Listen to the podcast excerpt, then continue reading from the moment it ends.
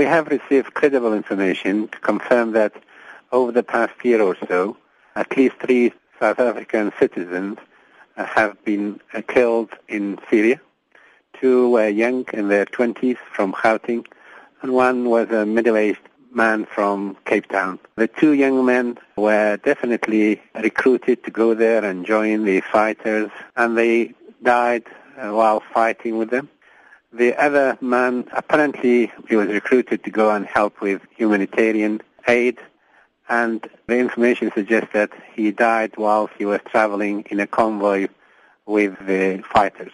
Volgens hom word jong Suid-Afrikaners in sommige gevalle onder valse voorwendsels gelok, maar in meeste gevalle neem jong Suid-Afrikaners die stryd op saam met die ekstremistiese groepe. There are individuals and groups in South Africa that seem to share the same ideology of those extremists, and they have been trying in various ways to encourage young South African Muslims to go and join them on the basis, obviously, that this is a jihad, that they will get rewarded for this, and so on.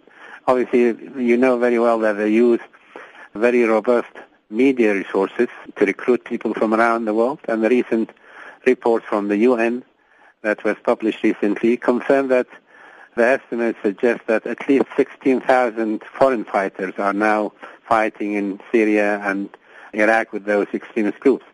They come from over 80 countries, and some countries have been obviously very concerned, including European countries, and have started taking various measures to deal with this issue in order to reduce the chances of having more young men persuaded to join the fight. The report suggests that uh, obviously several of the African countries have several thousands of young men from different countries who have joined the extremist groups, as well as countries in the Middle East, in Europe, in Asia and America as well.